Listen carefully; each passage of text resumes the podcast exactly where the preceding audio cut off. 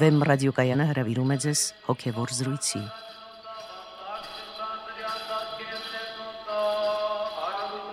Սիրելի ունկնդիրներ, Վեմ ռադիոկայանի եթերում են արժանապատիվ Տեր Մեսրոպ Քահանա Արամյանը եւ Արա Սարգսակ Նալչաջյանը։ Այսօրվա մեր զրույցի թեման է կասկած։ Օշնյա Տեր հայր։ Աստված օշնի։ Տեր հայր, կասկածի, կասկածամտության պատճառով մեծամեծ ավերներ են լինում երկրի վրա։ Մարդկային ճակատագրեր են խորտակվում, մարդկային հարաբերություններ են փչանում, ընտանիքներ են քայքայվում հաճախ։ Սակայն կասկածի արդյունքում նաև մեծամեծ գիտական հայտնագործություններ են կատարվում երկրներ են փրկվում չարակամ ուժերի չար տրամադրվածությունից կամ հարցակումներից մարդիկ են փրկվում այդ կասկածի շնորհիվ ուրեմն ինչ ասել ինչ երևույթ է սա կասկածը եւ ի վերջո բարի է թե չար շատ հետաքրքրական բացատրություն է կասկած բառի տալիս հայկազյան բառարանը բացատրելով որ կասկածը կարծիքն ու երկյուղն է ապագա վնասների եւ նաեւ տարակույս վարանք այս երանգներն է տալիս բայց այս բացատրությունը կարծիք եւ երկյուղ ապագա վնասի,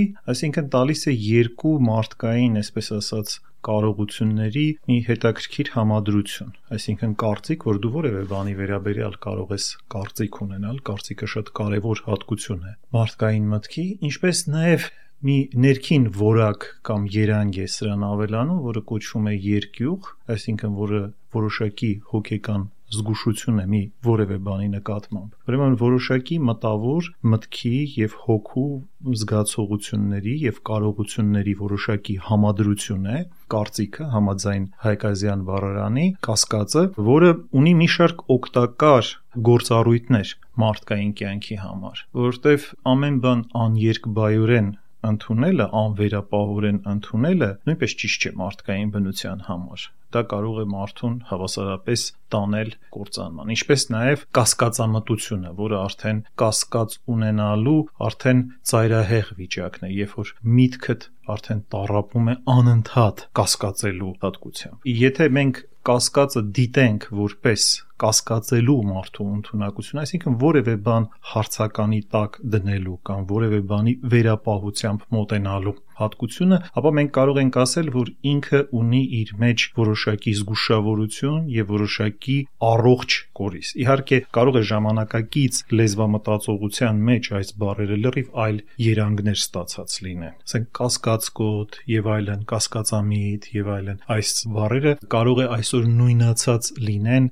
կասկածի հետ, կասկածելու հատկության հետ։ Բայց կասկածելը այսինքն նշանակում է որոշակի կարծիքով եւ երկյուղով, ներքին, այսինքն զգուշությամբ, վերապահությամբ մոտենալ իրերին, գաղափարներին, գալիքին։ Տեսեք, նաեւ Հայկազյան բառարանը տալիս է այն երանգը, որ սա կապված է նաեւ սпасվելիք բաների հետ։ Հիմա տեսեք ժամանակակից աշխարհում նամանավանդ, ասենք այդ Նիչեի փիլիսոփայությունից ծնված այդ գերմարթու գաղափարախոսության մեջ առաջ է քաշվում այն բանը, որ անվերապահորեն մարդը պետք է 100%-ով վստահի իր ուժերի վրա այսինքն վստահ լինի, որ ինքը կարող է ամեն ինչ անել եւ ամեն ինչի հասնել։ Իդեպ դեր այդ այդ կարծիքը ոչ միայն Նիցշեի շրջանում, այլև այսօր էլ շատ տարածված է եւ հաճախ երբ առիթ է լինում, ասենք զրուցակցին հարցնելու այդ մասին, թե ի վերջո ինչի ես դու հավատում, նա ասում է ես հավատում եմ ինքսին Քրիստոնեությունը մեզ իհարկե այլ բան է սովորեցնում, բայց մի փոքր դեռ բացահայտենք ինչ է այս գաղափարախոսության էությունը, ինքը որ մարդը կարող է հասնել ամեն ինչին, ամեն տեսակ հաջողության, եթե ինքը 100%-ով չի կասկածում իր ուժերի վրա։ Միջդեռ երբ նայում ենք, ասենք քրիստոնեության մեջ ինչ է ասվում, ինչ են ուսուցանում եկեղեցու հայրերը, տեսնում ենք, որ իրենք խորուրդ են տալիս քեզ քո գործողությունները, քո մտածողությունները, քո զգացողությունները դնել կասկածի տակ իրենք քեզ խորհուրդ չեն տալիս կասկածել նպատակի վրա, փրկության վրա։ Այդ փրկության վրա կասկածել արդեն բարի բան չէ որտեվ այստեղ արդեն կասկածը կոնֆլիկտի մեջ է մտնում հավատքի հետ։ Այնտեղ որտեղ հավատքն է, այնտեղ արդեն անկասկածություն է բայց ճիշտ կասկածը մեզ պետք է առաջնորդի դեպի հավատք։ Ուրեմն իրենք խորհուրդ են տալիս կասկածի տակ դնել այն ամենը, ինչը հավատքի ենթակա չէ, եւ չկասկածել այն բաների վրա, որոնք հավատքի առարկաներ են, օրինակ քո փրկությունը, քո իդեալը։ Եվ այդ առումով մենք տեսնում ենք, որ լուրջ հակասություն կա քրիստոնեության եւ այս գերմարթու, այսպես ասած, փիլիսոփայության կամ գաղափարախոսության միջև։ Որովհետեւ եթե դու չես կասկածում քո մտքերի, քո գործողությունների, քո անելիքների վրա, նշանակում է դու բացառում ես մեղքի ընդհանրապես արկայություն այս աշխարհում։ Մեղքի օրենք այս աշխարհում բայց եթե լրջորեն նայես այս աշխարհի իրավիճակի վրա, տեսնես թե ինչպիսի դժբախտ ընթացքում է մարդը գտնվում, երբեք չես կարող ասել, որ մարդու գործողությունները, մարդու անելիքները կամ մարդու մտքերը անկասկածելի, այսինքն աներկբայորեն ընդունելի մի բան են։ Մարդը շատ հաճախ 1 րոպեվա ընթացքում ինքն իրեն կարող է հակասել, ինքն իրեն կարող է բացասել Եվ այս առումով այդ ինքդ քո վրա կասկածելու կամ ինքդ նույնիսկ քո վրա որոշակի անվստահություն ունենալու հատկությունը առողջ կորիզ է մարդկային կյանքը կազմակերպելու համար։ Դերեջ, եթե ի վերջո այդպիսի դրական ասպեկտներ ունի կասկած երևույթը, եւ մենք մեր կյանքի կարելի ասել ամեն քայլափոխի հանդիպում ենք դրան, կասկածին։ Մենք ինչպես իմանանք տվյալ միտքը, որը մենք մտածում ենք, այդ առողջ կասկածի արդյունք է։ Որոշակի իրողության, որոշակի իրադրության վերաբերյալ չէ, որ մարդը դատողություններ է անում եւ հաճախ կասկածում է։ Դա այդ առողջ կասկածն է, թե այն կասկածամտությունն է, որը ասացիք, որ արդեն որոշակի շեղում է պարունակում իր մեջ եւ կարող է բացասական արդյունքների հանգեցնել։ Սահմանը ո՞րն է, զատորոշիչ ջրբաժանը ո՞րն է այստեղ։ Առանց իսկապես հավատքի լույսի հնարավոր չէ ճիշտ ջրբաժան դնել եւ հասկանալ թե որտեղ է սա առողջ եւ որտեղ է վերածվում մեղքի դա միայն հնարավոր է հավատքով զատորոշել եւ ընդ որում ես կասեի որ այդ սահմանները եւ այսպես ասած խտությունները այդ ամենի մարդուց մարդը տարբերվում են մարդ կա որը ավելի հակված է կասկածելու նույնիսկ անտեղի հակված է կասկածելու մարդ կա որը ճունի այդքան կասկածելու ակտիվություն կախված է նրանից թե մարդը որքանով է խոնար որքանով է հեզ, ինչ բարքի տեր մարդը եւ դրանից կարող է տարբեր մարդկանց մոտ մի խոսքով այդ ջրբաժանները լինեն այս կամ այն կողմ։ Բայց շատ կարեւոր է թե այդ ամենը մեզ ուր է տանում։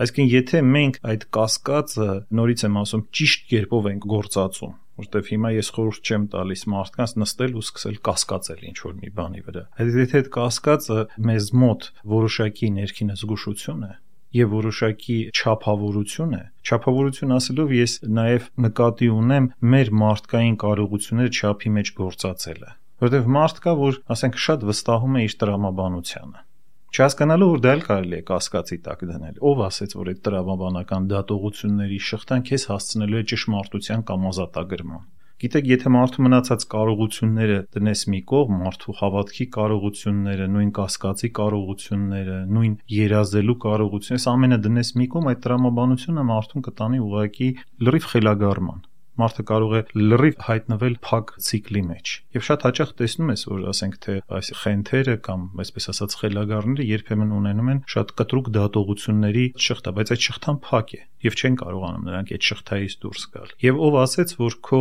մտածողությունը, քո տրամաբանությունը ճիշտ կերպով համապատասխանում է այն իրական աշխարհին, այն մտքերը, որ դու ունես, ճիշտ արտահայտությունն են կամ արտացոլանքն են իրական կյանքի որտեղ դրանք կարող են լրիվ խաթարված արտացոլանք լինել իրական կյանքի։ Այն որ որ քո մտքերը, քո մտածողությունը համապատասխանում է իրական կյանքի, սա նույնպես հավատքի հարց է։ Այսինքն իսկապես առողջ հավատքի հարց է։ Եվ այս առումով, ինչպես արդեն ասացի, այդ սահմանները կարող են իրարից տարբերվել եւ տարբեր մարդկանց մոտ կարող են տարբեր դրսևորումներ ունենալ։ Բայց ամեն ինչ, ինչպես եկեղեցու հայրերն են ասում, չափի մեջ է գեղեցիկ ինչպես դատողությունը եւ մենք ճափից դուրս շեշտադրում դրա վրա չպետք է կատարենք. տրամաբանությունը, որ դա մեզ հասցնելու է ճշմարտության, որտեվ առանց հավատքի դա մեզ որևէ տեղ չի հասցնի։ Բայց հավատալն էլ չի նշանակում տրամաբանության բացառում կամ գիտակցությունը երկրորդական աստիճանի վրա դասել։ Ամենևին դա չի նշանակում։ Էնպես որ այս ամենը պետք է իսկապես ճափի մեջ գործածվի եւ եթե դա բերում է մարդուն որոշակի ներքին զգուշության, որոշակի չափավորության եւ նույնիսկ ասեի այնպիսի մի արթուն վիճակի, որ մարդը իր արած որևէ գործ, որևէ առաքինություն, որևէ արարք չի համարում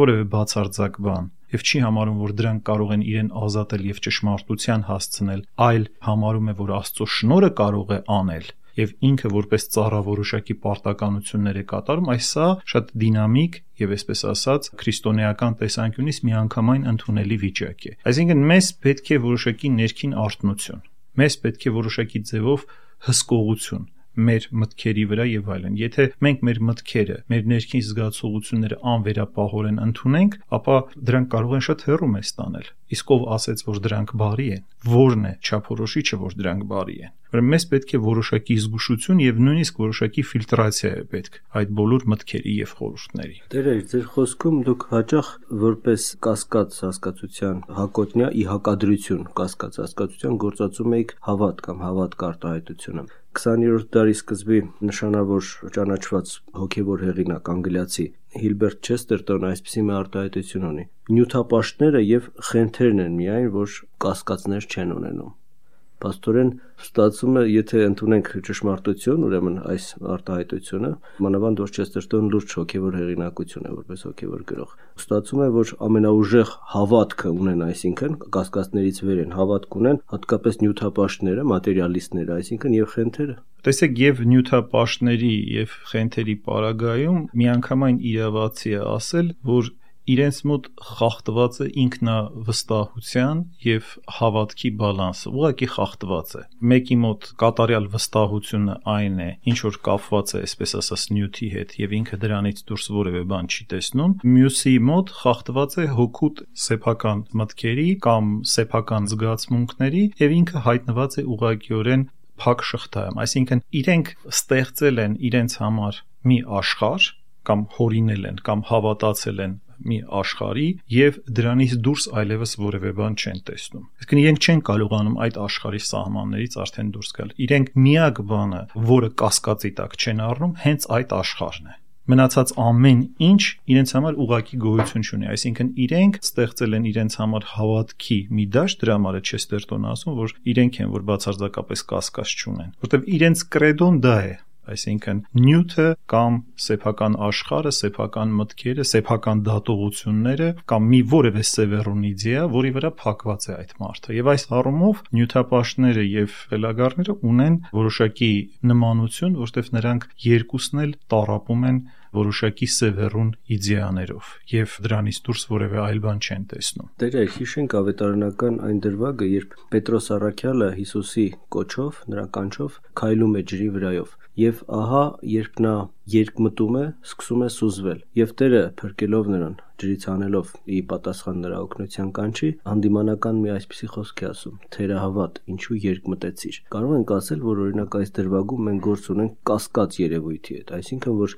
Պետրոս Արաքյալը կասկածեց Աստծո ասած խոսքին եւ այդ պատճառով նավաբեկության ենթարկվեց, այսպես ասած կասկածն է, թե դա երկմտություն է եւ այլ հասկացություն է, որի մասին մեր զրույցի սկզբում դուք ակնարկային կերպով ասացիք։ Տեսեք, կասկածը, ինչպես արդեն ասացի, ունի նաև տարակույս կամ վարանել իմաստը, որոնք արդեն այդ երկմտությանը բավականին մոտ երանգներ են։ Հետաքրքիր է, որ ավետարանը երկմիտ բառն է օգտագործում։ Տեսեք, նաև մենք ունենք միամիտ բառը, մեկ միտք ունեցող, որը այսօրվա լեզվամտածողության մեջ լրիվ ուրիշ երանգավորում է ստացել։ Այսինքն միամիտ մարդը համարվում է པարզունակ, խորը չմտածող, խորը չմտածող, բայց պատարակի ժամանակ մենք երկում ենք միամիտ սրտով, չէ՞, Սարգսակի քարոզը կա միամիտ սրտով աղոթենք Աստծուն, այսինքն մեկ միտք ունեցող սրտով եւ միամիտ սրտով արտահայտությունը շատ կարեւոր հոգեվոր արտահայտություն է։ Միամիտը այն մարդն է, որ ունի մեկ միտք, մեկ խորուրդ, ինքը բազում խորուրդների, բազում մտքերի մեջ չի տարուբերվում։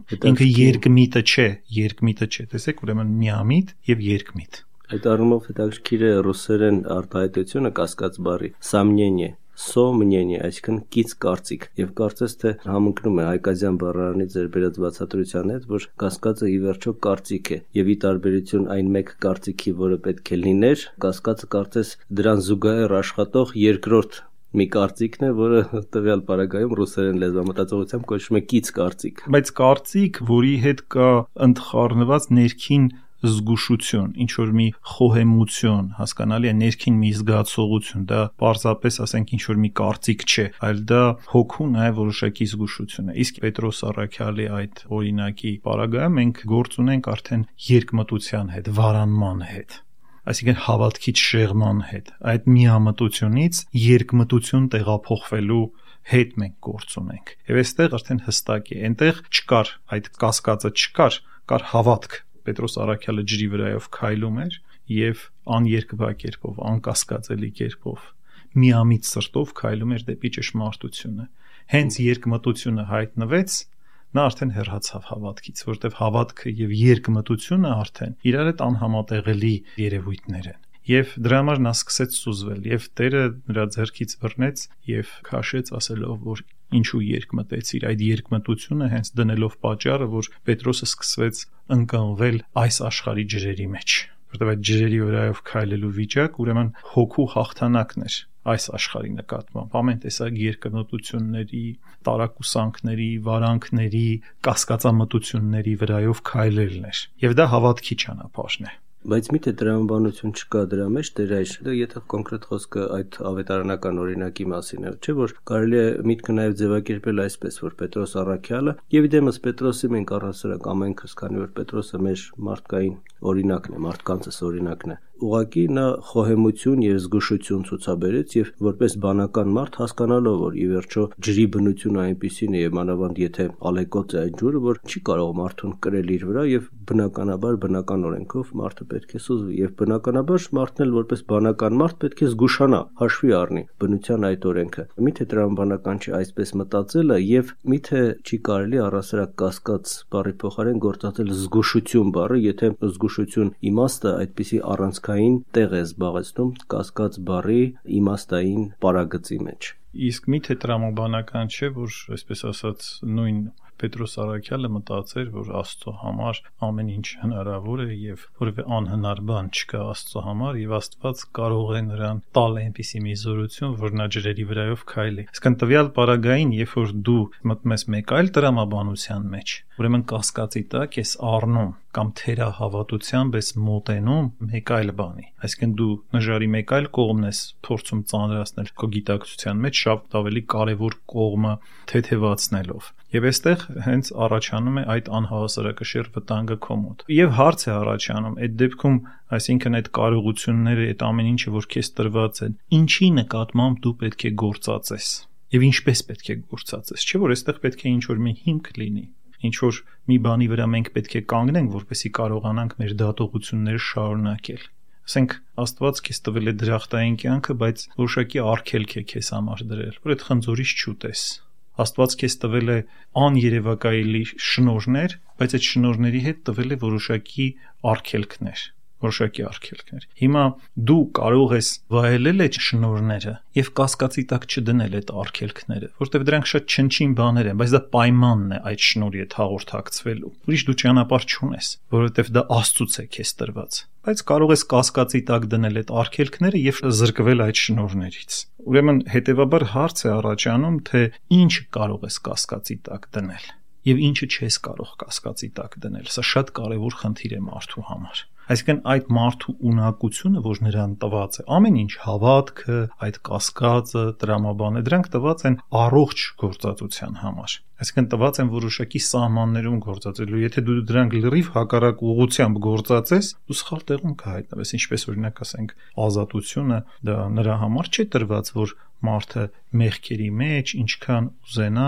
թավալվի, այլ նրա համար է տված, որ մարդը գնա առաստված եւ շարժվելով առաստված առավել խորը հասկանա այդ ազատության իմաստը, հասկանա, որ դա հենց մեղքերից ազատագրման համար էր իրեն տրված Էնպես էլ ես հաղորդման սկզբում ասացի, որ կասկածը տված է նրա համար, որ մարդը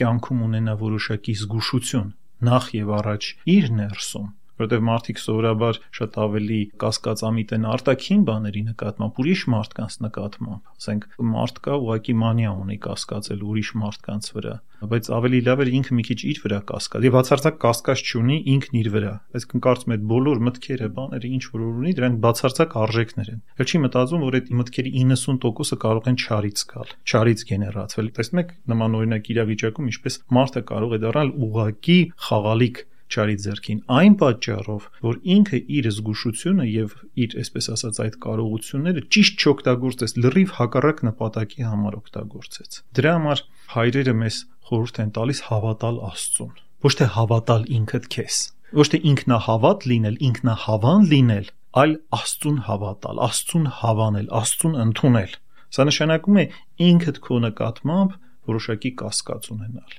ինքդ քո վրա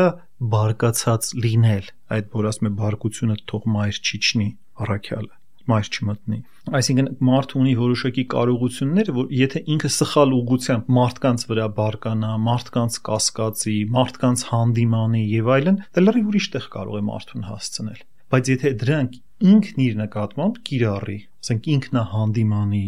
ինքնապաշտ չլինի, ինքնահավան չլինի եւ այլն եւ այլն, սրանք կարող են մարդուն ճիշտ տեղ հասցնել։ Եվ սա խոնարհության ճանապարհն է։ Խոնարհության ճանապարհով գնացող մարդը զերծ է նման օրինակ արատներից։ Դերեր, դուք բազմաթիվ մեթոդներ եք առաջարկում, բազմաթիվ կերպեր, կարծես թե կառավարելու կասկածելու մեր մարդկային ունակությունը եւ կասկած երևույթը կառավարելու կասկածենք թե չկասկածենք ինչ չափով կասկածենք իսկ առհասարակ սկզբունքորեն հնարավոր է կառավարել սեփական կասկածը թե ուղղակի կասկածը այնպիսի մի հատկություն է որ անկախ քեզանից անկախ քո կամքից ստացվում է միտք է կասկածի մի միտք է որ այցելում է քեզ եւ դու արդեն կասկածեցիր թե հնարավոր է կառավարել։ Անշուշտ հնարավոր է կառավարել եւ դա մարդուց պահանջում է լուրջ ներքին աշխատանք։ Ամենօրյա ես կասեի աշխատանք է պահանջում։ Նախ իհարկե մարդու մոտ կարող են լինել շատ սրված վիճակներ եւ մարդը կարիք ունի ուղակիորեն մաքրելու իր միտքը, մաքրելու իր սրտի խորհուրդները, որովհետեւ մարդու մոտ կարող են լինել իսկապես կասկածամիտ եւ հիվանդագին վիճակներ։ Անվստահության եւ ասենք այսպես վարանման ծայրահեղ վիճակների հասցնող որ արդեն այնքան անվստահ ես որ այլևս դու գործելու հնարավորություն չունես ուրեմն ցանկացած կարողություն կարելի է հիվանդագին աստիճանի հասցնել եւ պետք է այս ամենից զգուշ լինել այստեղ պետք է մարդը լուրջ ապաշխարության միջոցով երկարատև ես կասեի աղոթքների խոկումների միջոցով հասնի մտքի པարզության մտքի սթափության հասնի որոշակի ներքին ուշադրության եւ այս վիճակներում արդեն այն բոլոր ֆունկցիոնալ կարողությունները, որ մարդկային հոգին ունի, սկսում են ճիշտ կերպով գործել։ Տեսեք, օրինակ, մենք գործածում ենք խոհեմություն բառը։ Կասկածում եմ, որ շատերը լավ հասկանում են, թե ինչ է նշանակում խոհեմությունը։ Գեղեցու հայրերը բացատրում են, որ խոհեմությունը բարին չարից զանազանելու մարդկային հոգու ներքին կարողությունն է։ Այդ է խոհեմությունը Ուրեմն տեսեք ինչ կարևոր հատկություն է այդ զանազանելը, տեսնելը։ Ուրեմն չարի նկատմամբ հետևաբար անվստահություն ունենալը, բարու նկատմամբ վստահություն ունենալը։ Ասեք պիտի կողմնորոշվես։ Այդ խոհեմությանը հասնելու համար մարդուց պահանջում է լուրջ ներքին աշխատանք։ Ներհանգրվանում է պահանջում։ Մարդը պետք է կարողանա իսկապես ինքն իրեն հավաքի մեր ժամանակակից կյանքում մարդու վիճակը դարձել է այնպիսի մի ծվրված տարալուծված, որ նույնիսկ նայում ես մարդուն ու չգիտես ինքը իր տեղում է թե ոչ։ Շատ հաճախ մարդիկ իրենց տեղում չեն իրենց մեջ չեն, այլ տարալուծված են ամբողջովին այս աշխարհի իրողությունների մեջ։ Մարդուն այսօր միլիոնա թելեր են կապում։ Առաջվա կյանքը այդպեսին չի եղել։ Մարդը իսկապես հայտնված է նոր իրավիճակում։ Եվ այս նոր իրավիճակը ավելի ու ավելի մարդուն շեղում է իր առաքելությունից, իր նպատակներից, իր իդեալներից որտեվ նրան կապում է եւ գամում է լրիվ ուրիշ խնդիրների հետ եւ հատկապես այսօրվա կյանքում, այսօրվա իրականության մեջ մարդու համար շատ կարեւոր է, որ ինքը լրջորեն աշխատանք տանի ինքն իր վրա։ Ժայժ խոսեցիք խոհեմության մասին։ Համեմատաբար հեշտ է չարը բարուց զանազանել, եթե մեզ կոնկրետ ինչ-որ առաջարկ է արվում։ Այդ առաջարկի էությունը մենք որպես բանական մարդիկ կարող ենք քննել եւ ի վերջո հասկանալ դա որքանով է բարի կամ չար, որքանով է ի վերջո համահունչ Աստվածային պատվիրաններին։ Մենք դրան ընթառաջ գնանք թե ոչ։ Սակայն մյուս կողմից, եթե մենք կարիք ենք ունենում ինչ-որ բան անելու եւ հաճախ մեր գործը մարդկանց հետ է, եւ հարց է առաջանում վստահել այս մարդուն այս առաջարկը նրան անել, թե ոչ, այս բանը նրան վստահել, թե ոչ։ Չգիտես, վստահես, կարող է գնա եւ այնպես անի, որ ամբողջ քո այդ ծրագիրը, որ դու ծրագրել էիր անել, քո գործը փչացնի։ Սակայն մյուս կողմից էլ կարող է քո այդ կասկածամտությունը քեզ խանգարել, որ մարդը իրոք անկեղծորեն ցանկություն ուներ եւ ունակություն ուներ քեզ օգնելու եւ դու պետք է վստահեիր նրան եւ որ լավ ձևով կիրականանար քո ծրագիրը եւ սակայն դու դա չարեցիր, քո կասկածամտությունը քեզ կասեցրեց քո իսկ գործը հաջող ավարտի հասցնելուն։ Դա կախված է արդեն մարդու տեսողությունից։ Ինչպես արդեն ասացի, որ եթե այդ կասկածամտությունը իսկապես հիվանդագին աստիճանի հասցրած լինի, ապա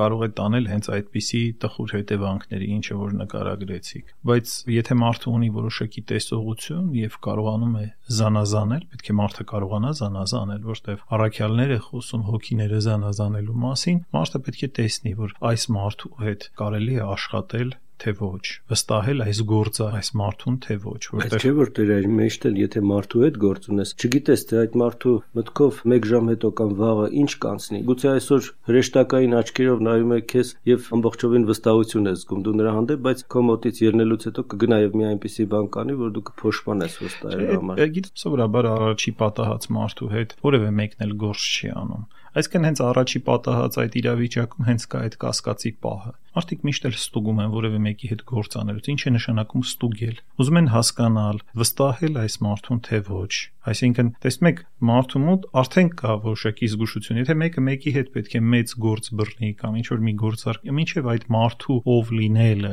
նրա անցած ճանապարհը հնարավորինս չուսումնասիրի, ինչպես կարող է դա անել։ Այսինքն, սա նշանակում է, որ մարդը արդեն ի սկզբանե ուներ որոշակի զգուշություն, որտեղ մարդը հասկանում է, եթե ինքը չստուգի եւ ինքը հանդիպի, այսպես ասած, սխալ մարդու, ապա կարող է շատ վատ վերջանալ։ Տեսեք, մեր իրականության մեջ ինչքան են այդպիսի դեպքերը։ Քանի քանի, այսպես ասած, սփյուռքահայ բարերարներ են եկել Հայաստան եւ ընկել են ավազակների ձեռքը եւ հետո դատարաններ, դատավարություններ կամ ուղակի կորցրել են բիզնեսները։ Տեսեք, ինչքան շատ է պատահում այսօր մեր իրականության մեջ հենց այդ սխալ մարդուն հանդիպելը։ Էնպես որ միշտ էլ այդ զգուշությունը պետք է լինի։ Սուրբ Գիրքն է մեզ դա ուսուցանում։ Վայ այն մարդուն, որ հույսը դրել է մարդու վրա նշանակում է, որ մենք պետք չէ կուրորեն վստահենք մարդուն, որովհետև մարդը ենթակա է մեղքի, մարդը ենթակա է չարի ներգործությունների, գայթակղությունների եւ այլն։ Այսինքն վստահելու մեկ այլ ավելի բարձր երանգ կա։ Մենք պետք չի հավատանք հենց մարդուն, Տեր Հիսուսը ասում է զգուշացեք մարդկանցից։ Այլ մենք պետք է հավատանք Աստծուն, բայց մեզ ուրիշ պատվիրան է տրված՝ սիրել մարդուն։ Սիրել չի նշանակում ամեն ինչ աներկբայորեն նրան վստահել։ Սիրելու մեջ կա ինքնազոհողություն, կա այդ մարդու նկատմամբ բարի բան անել, բայց դա չի նշանակում, որ այդ մարդուն չհամապատասխանող որևէ պատասխանատվություն դնել այդ մարդու վրա։ Երբեմն մենք դրանով ուղղակի կարող ենք կոտրել այդ մարդուն եւ ջարդել, դրան ենթակա դարձնել գայթակղությունների, ուրեմն այդ կասկածը, որ մենք ունենք մարդու նկատմամբ, այսինքն զգուշավորությունը, որ մենք ունենք մարդու նկատմամբ, բարի է, եւ դա պետք է որոշակի ձևով ստուգվի, ինչեւ որ մենք ձեռք բերենք վստահությունը, որ այս մարդուն մենք կարող ենք հենց այդ գործը լիովին վստահել։ Շնորհակալություն Տեր հայր, թույլ տվեք սրանով եզրափակել մեր այսօրվա զրույցը կասկածի մասին։ Սիրելի ունկնդիրներ, իմ զրուցակիցն էր արժանապատիվ Տեր Մեսրոպ Քահանա Արամյանը։ Օրհնեցեք Տեր հայր։ Աստված օրհնի։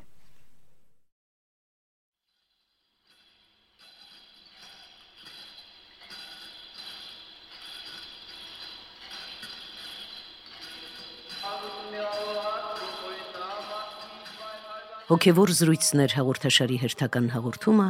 վարեց Արաս Սարգսակ Նալչաջյանը։